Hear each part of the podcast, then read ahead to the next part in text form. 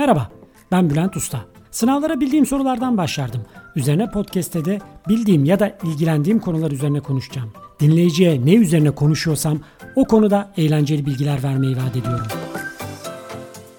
Bugünkü konumuz mitoloji. Kelimenin kökeninden başlayalım. Mit bir anlatıdır. Ya belli bir grup için önem taşıyan öykü de diyebiliriz. Yunanca mitos kelimesinden gelir. Yani mitos kelimesinin köküdür mit. Homeros zamanında bu bildiğimiz anlamına geliyor. Mitosların yani sözcüklerin bir öykü oluşturacak şekilde ard arda sıralanması. Bizim bildiğimiz anlamı bu. Aristo mitosu bir olay örgüsü olarak tanımlıyor. Mitolojide mitlerin bilimi, mit bilimi gibi. Şimdi bu girizgahı yapmak zorundayım zira öykü veya olay örgüsü kısmının altını çizmek gerekiyor. Öykü varsa bir hikaye anlatıcısı da gerekir. Anlatıcı, medda, yazının bulunmasından sonra belki buna yazar diyebiliriz. Buna ihtiyacımız var. Sonra bu konuya döneceğiz. Peki mitler ne zaman başladı? Bilim adamları taş devrinden beri mitlerin olduğuna hemfikir. Ama en büyük delil Almanya civarında bulunan milattan önce 40 bin, evet yanlış duymadınız 40 bin yılı civarı yapılmış olduğu tespit edilen aslan başlı bir adam heykeli. Şimdi normal başlı adam olsa işinde gücünde saat 9'da ava çıkan, saat 17'de evine gelen taş devri adamı bunu tasvir etmişler, geçmişler diyebiliriz. Ama aslan başlı olması bilim adamlarının mitolojideki bazı tanrıların veya işte bazı kahramanların tasvirini etiyor. Bunları dinleyen ya da anlatan bir kişinin aslan başlı bir karakteri tasvir ettiğini düşünüyorlar. Yine benzer olarak 20 bin yıllık kocaman göğsü ve kocaman kalçalı kadın figürleri de bulunmuş. Bu da 20 bin yıl önce Tanrıça dini ya da işte Tanrıça miti olduğuna işaret ediyor. Çünkü bu koca memelilik mitolojide doğurganlığı simgeliyor. Ayrıca içinden bir canlı çıkartmak o dönemler için büyük bir iş. Şimdi de büyük iş ama geçmişte buna daha sihirli anlamlar yüklendiği olmuş. Mitoloji neden var? Neden insanlar bu hikayeleri anlatmayı istemiş ve binlerce yıl boyunca anlatmış, yazı sonrası da yazıya dökmüş. Bakın sadece bir topluma ait değil, neredeyse her büyük kültürün bir miti olmuş. Demek ki bu bir ihtiyaç. İnsanlar bu hikayeleri yaratma, anlatma gereği duymuşlar. Neden sorusuna cevap arayalım. Bir teori açıklanamayan şeyleri açıklamak. Şimdi ben Kankis diye bir karakter yaratayım size. Homeros'un kankası olsun bu. Kankis Yancıpolus diyelim şimdi buna. Kankis düşünüyor mesela şöyle bir soru soruyor kendine. Ya ben neden varım? Hadi beni geçtin Şuman niye var? Bu soru kafasını kurcalıyor ve gidip Homeros'a soruyor. Yani biz neden varız diyor. Nasıl olduk diyor. Homeros da şöyle diyor demiş olabilir. Yani yarattılar işte bizi kankis. Kim yarattı? İşte tanrılar yarattı. Kankis soruyor ya nasıl yoktan mı şey ettiler falan diye. Öyle direkt mi yarattılar? Homeros da ya yoktan olmayacağını düşünüp herhalde şöyle demiş olabilir. Yok ya bizi şeyden çamurdan yarattılar. Mitlerde çamurdan yaratma topraktan yani tekrar yeniden bir şey yaratma. Nasıl ağaçlar, bitkiler e, topraktan yaratılıyorsa, topraktan tekrar çıkıyorsa insanın da böyle olduğunu düşünüyorlar. Homeros da çamurdan yarattılar demiş olabilir. Böyle başlamış olabilir. Kısacası anlaşılmayan, açıklanamayan yerde tanrıları devreye sokmuş olabilir hikaye anlatıcıları. Şöyle örnekleri çoğaltabiliriz mesela. Kanki sormuş peki bu denizdeki fırtına nasıl oluyor? Ha o mu o şey o Poseidon. Denizler tanrısı. Bazen sütlüman bazen bir kızıyor sikertip atıyor denizi. Fırtına mırtına dağıtıyor her şeyi. Kankis rahatlıyor. Ha tamam o zaman biz Poseidon'u ne yapmayacağız? Kızdırmayacağız. Kısacası her şey bir tanrı atayarak sorunu çözmüşler aslında. Yani bilinemeyen noktada o bilinemeyen şeyi tanrılarla açıklamışlar. Şimdi başka bir teori daha var. O şu şöyle diyor. Toplum üyelerine ait oldukları kültür ile tutarlı davranmalarını sağlamak için gerekli uygun davranışlarını öğretmek, eğitmektir bu mitolojinin yani bu söylencelerin amacı diyor bir şekilde bireyi toplum yaşantısına adapte etmek. Mesela şöyle bir şey oluyor. Kankis bir şey yapıyor. Meres diyor kankis yalnız oraya sıçmıyoruz. Neden? Ya çünkü X tanrısı öyle diyor. Artık kankis oraya sıçmıyor çünkü X tanrısı yakalarsa çok kötü şeyler olabilir. Mitlerin insanda biten başka bir boyutu daha var. Neden mitler var açıklayan? Carl Jung, Kerry Kerenyi, Eric Neumann ve Joseph Campbell gibi bu Freudçular bunlar. Mitleri evrensel ve ortaklaşa bilinçaltının bir ifadesi olarak görüyorlar. Onlara göre doğuştan gelen psikolojik özellikler tüm dünyada ve tarih boyunca insanların yaşamının akışına nasıl yanıt verdiklerini, ne gibi deneyimler yaşadıklarını belirler. Yani aslında biz doğduğumuzda diyorlar, ortak bir bilinçaltımız var. Dolayısıyla bu aslında şunu da açıklamış oluyorlar böyle söyleyerek, farklı farklı kültürlerde, farklı dönemlerde çok benzer mitler ortaya çıkıyor. İşte bunun nedeni de tam da o ortak bilinçaltı. Bu ortak bilinçaltı anne, çocuk, kahraman, dev veya düzenbaz gibi arketipleri de içeriyor aslında. Yani dünyanın her tarafında farklı mitlerin pek çok benzer konuları içermesi, benzer arketipleri içermesi, ortaklaşa bilinçaltının varlığını göstermektedir. Savunmaları bu. Peki gelelim mitlerin ortak özelliklerine. Nedir bu ortak özellikler? Birincisi yaratılış. Bütün mitlerin bir yaratılış efsanesi vardır. Nereden geldik? Nereye aitiz? Hem insanın hem de toplumların bir kimlik arayışı vardır. Çok duymuşuzdur. Hemşerim memleket nere? Böyle bir laf. Eve usta gelir memleket nere der. Bunu bazen bilinçaltı yapar. Bu aslında bir kimlik sorgulamadır. Bir de tabii memleketlisi değilsen o boruların komple değişmesi gerekebilir. Çok eski mitlerde yaratan tanrıçadır, kadındır. Doğumu yapan kadın olduğu için böyledir. Kadın yer küre simgeler. Toprağın verimliliği ile ilgili bu. Yer küre doğuruyor. Sümerlerde mesela tanrıça Namu, Grek'te Gaia. Bunlar çok güçlü tanrıçalardır. Hatta erkek tanrıları da bu kadın tanrıçalar yaratır ve yarattığı tanrılarla da evlenir. Enseste mitlerde sıkça rastlanmaktadır. Kısacası yaratılış mitlerin en önemli unsurlarındandır.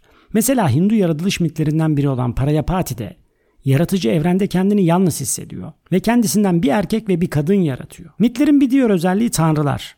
Tanrı mitleri. Çok tanrılı mitlerde buna dinler de diyebiliriz. Sadece yaratıcı değil birçok tanrı vardır. Ve bu mitler tanrıların hayatını anlatır. Gerçekten böyle televizyon dizisi gibi. Tanrılar arasında olan olaylar, tanrılarla insanlar arasında olan olaylar. Devam edelim mitlerin unsurlarına. Bir tanesi de kahraman. Birçok mitte kahraman arketipi mevcuttur. Bu kahramanların bazıları, özellikle Grek'te bu çok, yarı tanrısaldır. Bazıları da ana rahmine normal olmayan yollarla düşer. Mesela bakirelerden doğarlar. Kahramanların genel özelliği çoğunun bir arayışı vardır. Odysseus mesela evini arar, Kral Arthur'un şövalyeleri kutsal kaseyi arar, Iazon kutsal postu arar, bazıları yeraltı dünyasına girer ve belasını arar. Şimdi mitlerdeki bir diğer unsura gelelim. Bu tufan, kıyamet, yok oluş ne dersiniz? Tanrılar insanları yarattıktan sonra bir şekilde bir an kızarlar. Lan biz bunu yarattık ama bu acayipleşti bir garipleşti derler. Ve insan topluluklarının bu yoldan çıktığı anlarda tufan yollarlar. Sel, kıyamet ne olursa yeryüzünde insanlığı ya da yaşamı toptan yok ederler. Tabi genelde selleri biz biliyoruz mitlerden. Bu büyük seller ama ben şimdi düşününce şu geliyor aklıma. Yani sadece toprak üstündeki şeyleri yok ediyor. Yani tüm dünyadaki yaşamı yok etmiyor. Deniz altında hayat herhalde devam ediyor. Ama o zaman bunu düşünmemişler sanırım ya da mitlerin tufan unsurunda bir bug var. Neyse tufandan çıkmak için bir gemi inşa edilmesi de ilk olarak Sümer mitlerinde geçer. Nuh'un gemisinden önce. Şimdi size nedenleri saydım. Ortak bilinçaltı, ortak korkular, toplumsal kaygılar ya da sadece insanın hikaye anlatma isteği. Neden ne olursa olsun. Ortaya çıkan bu mitler insanlığın kaderini ve gelişimini belirlemiştir. Bakın belirlemiştir ama halen de belirlemektedir aslında. Şimdi size aslında uzun bir mitoloji serisi anlatmaya karar vermiştim. Sümerlerden başlayacaktım ve söylenceleri sırasıyla aktarmaya çalışacaktım. Ama sonra vazgeçtim. Bilindik bir konu olsun istedim. Yunan mitolojisinden başlamaya karar verdim. Yunan mitolojisinden kronolojik olarak. Bu arada kronoloji kelimesinin kökü kronosa yani zamana dayanıyor. Kronos bir titan, Zeus'un babası dinledikçe göreceksiniz zaten. Hani daha önce iddia ettim ya mitoloji hala hayatımızı belirliyor diye. Hayatımızın birçok noktasında aslında sanatsal, bilimsel, dinsel, felsefi hep mitolojik göndermeler, hep mitolojik söylemler var. Şimdi Grey'e geçmeden önce uzun konu onun için ayrı bir podcast bölümü episodu yapacağım. Ama ufak bir bilgiyle başlayalım. Isınma olsun. Hayatımızdan bir örnek. Psikiyatriden. Çok var aslında böyle. Elektra kompleksi, hebepernia, Oidipus kompleksi, efilates korkusu. Tüm bunlar isimlerini mitolojiden almış. Bu kompleksler, bu sendromlar söylencelerle de uyuşuyor aslında. Ben size Andromeda kompleksi ya da sendromunu anlatayım. Giriş olarak bununla başlayalım. Andromeda kompleksi nedir? Kadınların yaşamlarını sınırlayan bir sendrom. Kadını aslında her anlamda sınırlayan ve güçsüzleştiren bir, bir şey. Kadın zorluklarla savaşmak yerine tüm yaşamını bir erkek tarafından kurtarılmayı bekleyerek geçiriyor. Çok var değil mi böyle? Ve sırf evlenmiş olmak için evleniyor. Buradaki motivasyonu kendine baskı kuran, ne bileyim bu evi olur, okulu olur. Artık kadın baskı olarak ne görüyorsa o diyelim. Bundan kurtulmak, bundan kaçmak için karşısına ilk çıkan adamla evleniyor. İşte buna Andromeda kompleksi deniyor. Yani bir mitosa dayanıyor ve adını bir söylenceden alıyor. Onu anlatayım şimdi size. Andromeda Habeş kralı, Kepeus'un kızı. Poseidon korkunç bir ejderhayı Kepeus'un ülkesini yok etmek için yolluyor. Kahinleri var bu Kepeus'un ve diyorlar ki ona ancak kızınızı kurban ederseniz ülke kurtulacak diyorlar. Halk da hayatta kalmak için Kepeus'a baskı yapıyor. Çaresiz kalan Kepeus Andromeda'yı bir kayanın üstüne bağlayarak Gorgo'nun parçalaması için sunuyor. Gorgo tam Andromeda'yı parçalayacakken gökten Pegasus'un üstünde, Pegasus işte kanatlı bir at, beyaz kanatlı bir at. Perseus geliyor. Bakın bu beyaz at tasviri çok önemli. Masallardaki beyaz atlı prensi hatırlayın. Aslında o da bu mitle alakalı. Neyse Perseus geliyor, Gorgo'yu öldürüyor, kafasını kesiyor. Sonra Andromeda'yı bağlarından kurtarıyor. O sırada işte ona aşık oluyor ve evleniyorlar. Ancak Andromeda'nın başka bir bağı daha var. Amcası Phineus. Amcası Phineus'un sözlüsüymüş. Phineus Andromeda ile Perseus'un düğün gecelerinde tam bir şerefsiz gibi onları öldürmeleri için adamlarını gönderiyor. Perseus Gorgon'un kesik başını gösterince adamlar taş kesiliyor. Demek ki bir ejder başı kestiyseniz yanınıza taşıyacaksınız. Efelenen olursa önceki leşim diye gösteriyorsunuz. Taş kesiliyorlar. CV gibi bir şey bu. Neyse böylece Andromeda bütün bağlarından kurtuluyor. Kurtarılıyor aslında. Perseus kurtarıyor. Böylece Perseus ile rahat, mutlu, huzurlu bir hayat geçiriyor. İşte kadınların Andromeda sendromunun adı buradan geliyor. Perseus bekleyen kadınlar, beyaz atlı prens bekleyen kadınlar. Aslında Perseus yok. Olsa da gelmesin zaten. Zira zincirlerinden kurtulma ve bir Perseus beklentisi kadının sosyal hayata girmesini engelliyor. Ayakları üzerinde durmasını, aslında mutlu olmasını engelliyor. Dediğim gibi mitoloji günlük hayatımızın aslında her alanında var. Bir sonraki podcast'te Grek mitolojisine giriyoruz. Çok detaylı gireceğiz. Titanlardan başlayacağız Zeus'a kadar. Tanrılar arasındaki ilişkiler kim kimle nerede ne yapmış. Aslında dinledikçe göreceksiniz bu Grek mitolojisi bir noktada böyle magazin dergisi okumak gibi bir şey. Çünkü cidden baya bir olaylar dönmüş. Herkesin birbiriyle ihtiraslı ilişkisi var. Birbirini çekemeyenler var. Tanrılar da aynı insanlar gibi yaşıyorlar aslında. Kıskanıyorlar, kızıyorlar, küsüyorlar, ceza veriyorlar. Neyse sırası gelince onları anlatacağız. Bir sonraki podcast'e kadar sağlıcakla kalın.